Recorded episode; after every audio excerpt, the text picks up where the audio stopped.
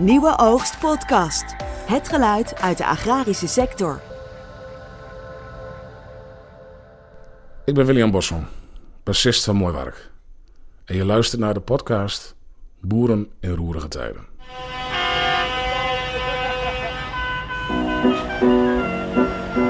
En ik heb mezelf de vraag gesteld: ben ik de juiste persoon om als minister leiding te geven aan de opgaven die er liggen? Ik vind ook echt, van, nou dan moet dat kaartje van tafel en dan ga ik nu samen met iedereen kijken hoe gaan we in het vervolg communiceren. Boeren in roerige tijden. Niets is meer wat het ooit was.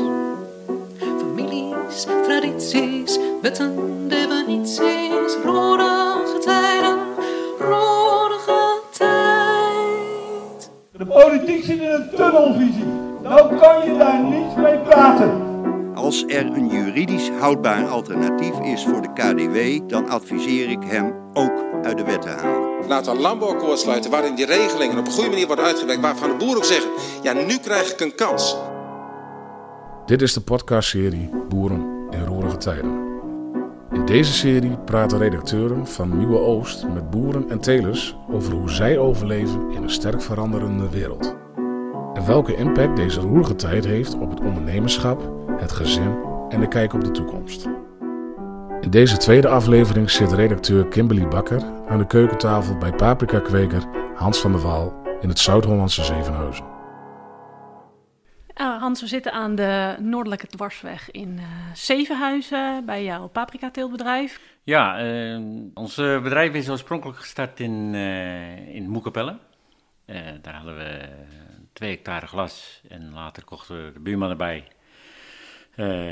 Die ging verhuizen naar IJsselmuiden toe en wij kochten zijn tuin erbij. En ja, dan hadden we twee, twee oudere opstanden, twee oudere glasopstanden waar we paprika's in teelden. En we waren best wel een grootschaligheid aan het, zoeken. En, en, dan automatisch ga je dan kijken van wat kan er nog meer. Kun je verdubbelen of kan je of een, buurman erbij kopen nog eens. En, nou, uiteindelijk werd het een, een dorp verder een verdubbeling. 8,3 hectare. Dus van, van 2 naar 4 naar 8 hectare. 8,3. Ja. ja. En, en paprika's, hoe ben je daarbij gekomen? Is dat van, vanuit je familie? Of, uh... Ja, eigenlijk, uh, ja, mijn vader teelt ook al uh, paprika's. En, en, toen de tijd was het ja, op één hectare en waren, had hij drie groenten. Hij had komkommers, tomaten en paprika's. En later is het alleen komkommers en paprika's geworden. En nu is het alleen paprika's, ja. En heb je zijn bedrijf uiteindelijk overgenomen of ben je echt je eigen bedrijf gestart? Ja, uiteindelijk is, uh, uh, heb ik zijn bedrijf overgenomen inderdaad. Dat is in uh, het jaar 2000 gebeurd. Hebben we, ja, ben ik alleen verder gegaan. En ja, financieel heb ik, ben ik ingekocht en, en hem uitgekocht, zo gezegd. En ja, ben ik alleen verder gegaan. En sinds, sinds een jaar of drie samen met mijn zoon weer. Ja. Ja, en je gaf al aan, telkens verdubbeld van 2 naar 4 naar 8 hoe zit dat met je bedrijfsvoering? Die heb je daar natuurlijk ook telkens wel, uh, wel weer opnieuw op aan moeten passen. Was dat dan ja, een flink proces, bijvoorbeeld aantal medewerkers? Ja, uh, als je twee, met twee hectare startte in de jaren negentig, werk je zelf nog heel veel mee. Ook met plukken, oogsten, sorteren. Toen we van twee naar vier hectare gingen uitbreiden, dat is eigenlijk een groter omslag als, een, uh, als dan we uitgebreid zijn van 4 naar 8. Uh, van 2 naar 4 had ik een, eigenlijk drie voormannen aangesteld. Die, de ene was de arbeid en de andere was teelt- en gewasbescherming. En, en dan nog eentje voor, voor energie- en veilingcontacten. En ja, dat is eigenlijk zo gebleven. En er is nu eigenlijk een vierde bijgekomen die ook het hele gewasbescherming alleen op zich neemt. En, maar eigenlijk van die 4 naar 8 hectare, die dezelfde mensen zijn gebleven, alleen ze kregen meer poppetjes onder de, meer mensen. Ja. De eerste glastuinbouwbedrijven gaan versneld stoppen door de hoge gasprijzen. Dat meldt Glastuinbouw Nederland. En we horen ook uh, dus de geluiden van minder neer gaan zetten, kassen leeg laten staan. Daardoor minder arbeidskrachten nodig de komende tijd. En het heeft alles in zich als dit lang duurt dat het nou, de potentie heeft van een nieuwe crisis. Vandaag de dag natuurlijk hot topic. Ja, ja, uh, hoe was dat de nou ja, afgelopen maanden, maar ook nu voor jou om mee om te gaan? Ja, uh, laat ik zo zeggen, de, de, met 2 en 4 hectare was dat nog niet zo'n groot issue voor ons, omdat wij, wij betrokken warmte van, uh, van een grote rozenteler achter ons. En, uh, en dan was het van, als ik warmte nodig heb, nou, dan zet ik de kraan open en dan komt het eraan. En, was allemaal, en, en, de prijzen waren ook nog laag natuurlijk. toen ik hier naar 8 hectare we begonnen in Zevenhuizen. Zijn we gestart met een WKK-park. Dus dat betekent warmtekracht. Je werkt zelf je warmte op, je CO2 en je elektriciteit die je teruglevert. Hè? Dus je betekent dat je meer dingen te doen krijgt. Dan heb ik het eigenlijk meer of meer zelf naar me toe getrokken. En ja, altijd wel gezegd, risico's spreiden, risico's spreiden, risico's spreiden. Dat is heel belangrijk. En dus ook heel gauw posities ingenomen, ook voor de komende jaren in het verre. En altijd zorgen uh, ik had mijn oude adviseur die altijd tegen me zei: zorg dat je dakpannetjes legt. En ja, dat, dat heeft ons risico gelukkig tot nog toe aardig uh, ingedekt. En uh, dus we voelen het persoonlijk als bedrijf niet als dat we nu zulke torenhoge energieprijzen hebben. Al gaat dat wel een keer komen als het zo blijft. En, en we zijn echt heel hard op zoek naar alternatieve, alternatieve bronnen zijn zelf ook aangesloten bij warmtecoöperatie Zuidplas in Moekapel en, Zeehuizen en omstreken. Om, om met een aantal tuinders gezamenlijk te kijken, joh, kunnen we warmte krijgen uit de haven. Hè? En er is sprake van dat er een aardwarmtepijp hier naartoe zou kunnen gelegd worden. Nou, dat zou ideaal zijn. Als je hoort hoeveel dat ACR voor afvalverwarmte dat ze dat ze vernietigen in de Noordzee. Dat is gewoon zonde. Waarom gaat het niet deze kant op? Hè? En uh, kunnen wij onze, onze gas af gaan sluiten? En, hey? Ja, er zijn ook wel veel partijen inderdaad die echt de toekomst zien in die energietransitie. Ben jij daar dan ook een groot voorstander van? Ja, zeker weten. Ja, eh, zeker weten. Alleen, je wordt nu heel snel met, je, uh, met de neus op de feiten gedrukt. Hè? Uh, Rusland sluit af, een onrustige situatie, geen gas in, in Europa. Dus dat krijg je knalhoge prijzen van. Nou, we hebben in september natuurlijk die 3 euro gezien. Ja, dat doen, men, ja, dat doen telers gewoon omvallen. Laat ik zeggen, zeggen glasgroenten uh, uh, telen met een euro per kuub aardgas is al niet te doen. En nou, onze redding is een warmtekracht, dus je, krijgt, je kan je elektriciteit nog dan weer verkopen. Maar als je dat niet hebt, dan is het over.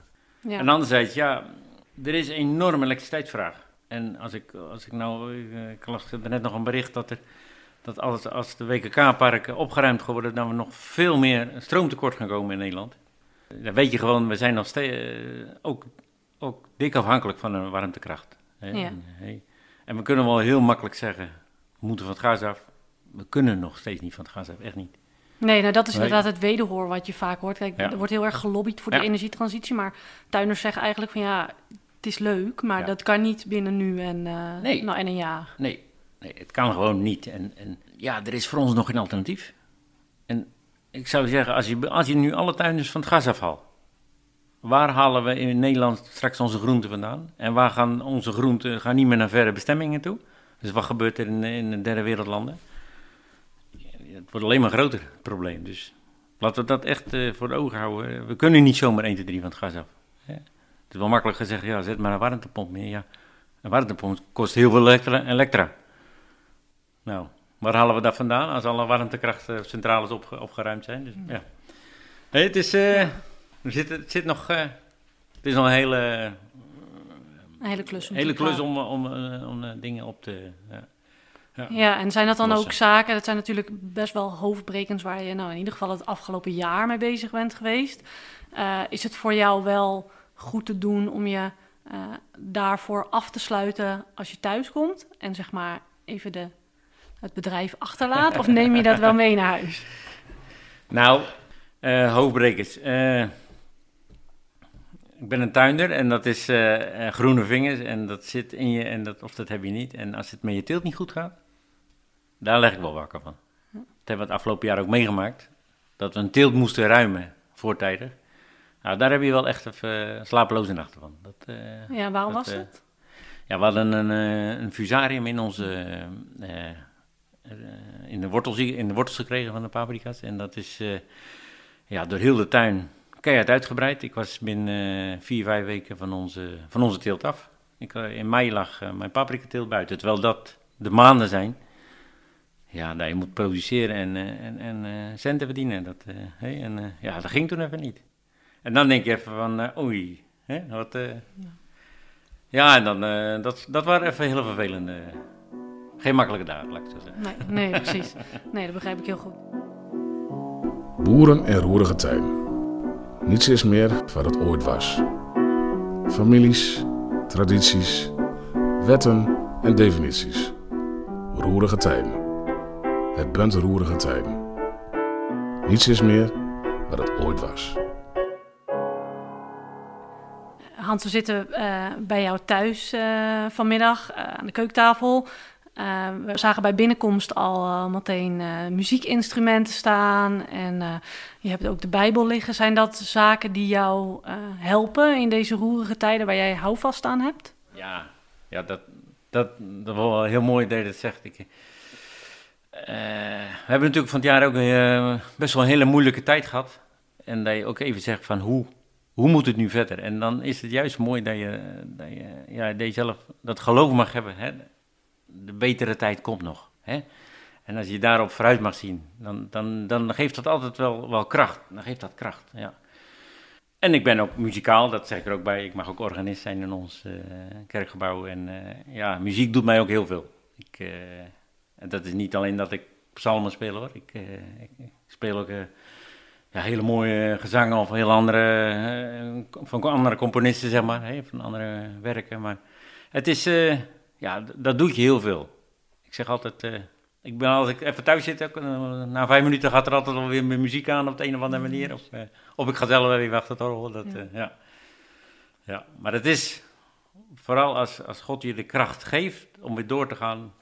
Ja, ik hoop dat het ook, dat, dat ook vader op zoon zo door mag gaan. Hè? in- Ook in, in onze familie. En als je zegt, dat, dat staat altijd boven heel het bedrijfsvoeren, zeg maar. Ja. Hans van der Waal heeft in deze periode wat vaker tijd om achter het orgel te kruipen.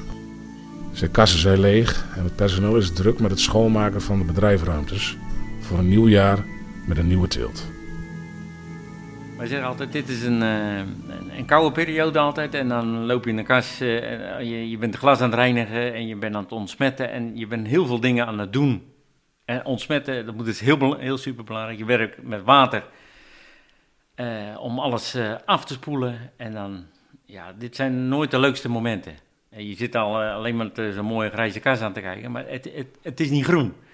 En zodra die jonge plantjes erin staat, hè, dan ga je juist, eh, dan zie je juist het leven weer terugkomen. En eh, als het allemaal weer groeit en bloeit, en dan denk je, ja, dit is hè, waar je het voor doet. Hè. Eh, we hopen het ook, het logistiek eh, hopen we nu helemaal goed voor elkaar te hebben. En ja, als dat allemaal weer gaat draaien, dan krijg je er een hele, ja, dat het allemaal veel, eh, veel eh, hoe zeg je dat, Eh, veel mooier gaat. hè. Het, eh, ja. Maar dit is even voor onze periode, dan we zeggen, ja, moeten we altijd erheen bij. Ik zeg altijd, het is een spierenklusje ook, want het is nog wel eens dit mooi optillen en dat mooi weer doen en dat. ja, en straks is het gewoon, ja, ik moet zeggen, wij, wij houden van warmte. We gaan ook altijd in Italië op vakantie, dus... Oh ja. En als we kijken, hè, er zijn natuurlijk heel veel glastuinen, dus je gaf het al aan, die omvallen. Of deze winter eh, een teelt overslaan, of deze winter Ja. helemaal, eh, helemaal de deuren dicht houden. Ja. Eh, jij hebt daar, als ik het zo goed begrijp, nou, hoeft dat niet te doen. Nee. Ehm, eh, is het wel iets wat je overwogen hebt, waar je over nagedacht hebt? Of dacht je gewoon van, nou ja, onze posities zijn goed? Nou, op dat moment, wat ik zeg, hè, toen in mei ons gewas buiten lag, ons paprika gewas, dan tegen elkaar zeiden mijn zoon en ik van, ja, wat gaan we nu doen? Je hebt een korte tijd, gaan we onze energieposities verkopen. Nou, dat kan je natuurlijk nog voor dat seizoen doen. Je kan ook zeggen, in die korte tijd, we gaan nog een, een, een korte teelt gewas neerzetten. Nou, kan je kiezen voor tomaten. Wij hebben uiteindelijk gekozen voor komkommers. Eh, dan heb je binnen drie weken Hè, je laat onmiddellijk zaaien met de plantenkweker. Dan heb je binnen twee, drie weken planten. Binnen 14 dagen, 19 dagen geloof ik, heb je komkommers. Nou, dan kan je, kan je weer snel doorgaan. Die- we hebben ook voor die weg gekozen. En dat, eh, ja, dat, het is ook bijzonder goed eh, terechtgekomen. Want we kregen ook nog hele goede prijzen ervoor. Eh, en de teelt zat ons direct zo in de vingers. Dat we ook gezegd hebben, we blijven in de komkommers. ja. Ja, en vooral zoals mijn zoon Jost het eh, Beetpak, die is, ja, die is heel enthousiast over en die zegt, dit, ja, en dat leefde bij hem veel meer als de paprika's. En die zei ook van, eh, ja, dit is zo mooi. Dus, en dat is voor mij, en eh, als je, om even op die vraag terug te komen, dat is voor mij heel belangrijk, omdat ik, ja, eh, eh, duidelijk iemand heb thuislopen, in, in dit geval mijn zoon Jos, zoals die dat oppakt. Ja, dat is voor mij gewoon een, eh, vind ik prachtig. Ja. Hoe moet ik zeggen, daar word ik zelf ook weer een, enthousiast van. En, hey. en hij, is, hij is 22 en... ja, en ik weet zelf dat ik er toen ook wel eens voor stond. mijn vader zei, hier ga je gang maar. Nou, dat, dat- daar word je alleen maar sterk van. En, eh, ja. en natuurlijk gaat het wel met vallen en opstaan, maar ik bedoel, eh, ja. Ja, dat Dus- hoort ook dus- bij het leven, toch? Dus voor mij, voor ons persoonlijk of voor ons bedrijf, eh, gold dat eh, verhaal niet. Nee. En ik ben nog wel even benieuwd, hè, als we dan terugkijken naar die, naar die periode dat die energieprijzen zo hard stegen. wat voor gevoel er dan was bij, bij bijvoorbeeld medewerkers binnen het bedrijf. Waren die onzeker bijvoorbeeld over hun baan? Er zijn natuurlijk best wel vooral ook rond uitzendkrachten. Heb je ze daarover geïnformeerd dat het er goed, nou, goed voor staat? Ja, ja, ik heb altijd wel. eh, eh, ja, ik zit ook altijd in de kantine bij de jongens koffie te drinken. En, eh, en jongens, ik heb ook een paar jongens. Eentje werkt 30 jaar bij me en de ander 25 jaar. En daar sterrelen we al, al gauw over zulke dingen ook. En, en jongens, die, ja, je praat al gauw bij hoor, dat is zo. Ik ben er ook vrij open in hoe wij, hoe onze bedrijfsvoering gaat. En dat is, dat, dat is voor de man ook altijd fijn. Hè. En, en je hebt eens in de kwartaal hebben we met elkaar ook een werkoverleg van, joh, hoe gaan we dit aanpakken, hoe gaan we dat aanpakken. En, en dan praat je die jongens ook helemaal bij. Hè. Maar ook, eh, dat gebeurt gewoon aan de koffietafel ook, hoor, elke dag. En eh, zo is het wel. Dus, eh, ja. ja, en, en als we dan nog tenslotte even kijken naar de, de toekomst van de glastuinbouw in het algemeen. Hoe, hoe kijk jij daarnaar?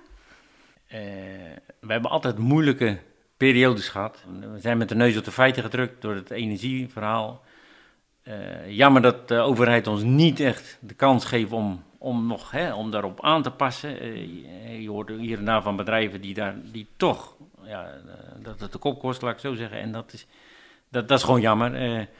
Hè, en anderzijds, ja, gewoon blijven ja, blijven aanpassen. En, en, en, de tuinderswereld is creatief zat. Eh, we verzinnen wel wat anders. Ik, ik heb ook een voorzitter stellen. Stel dat ik nou de dure gas had.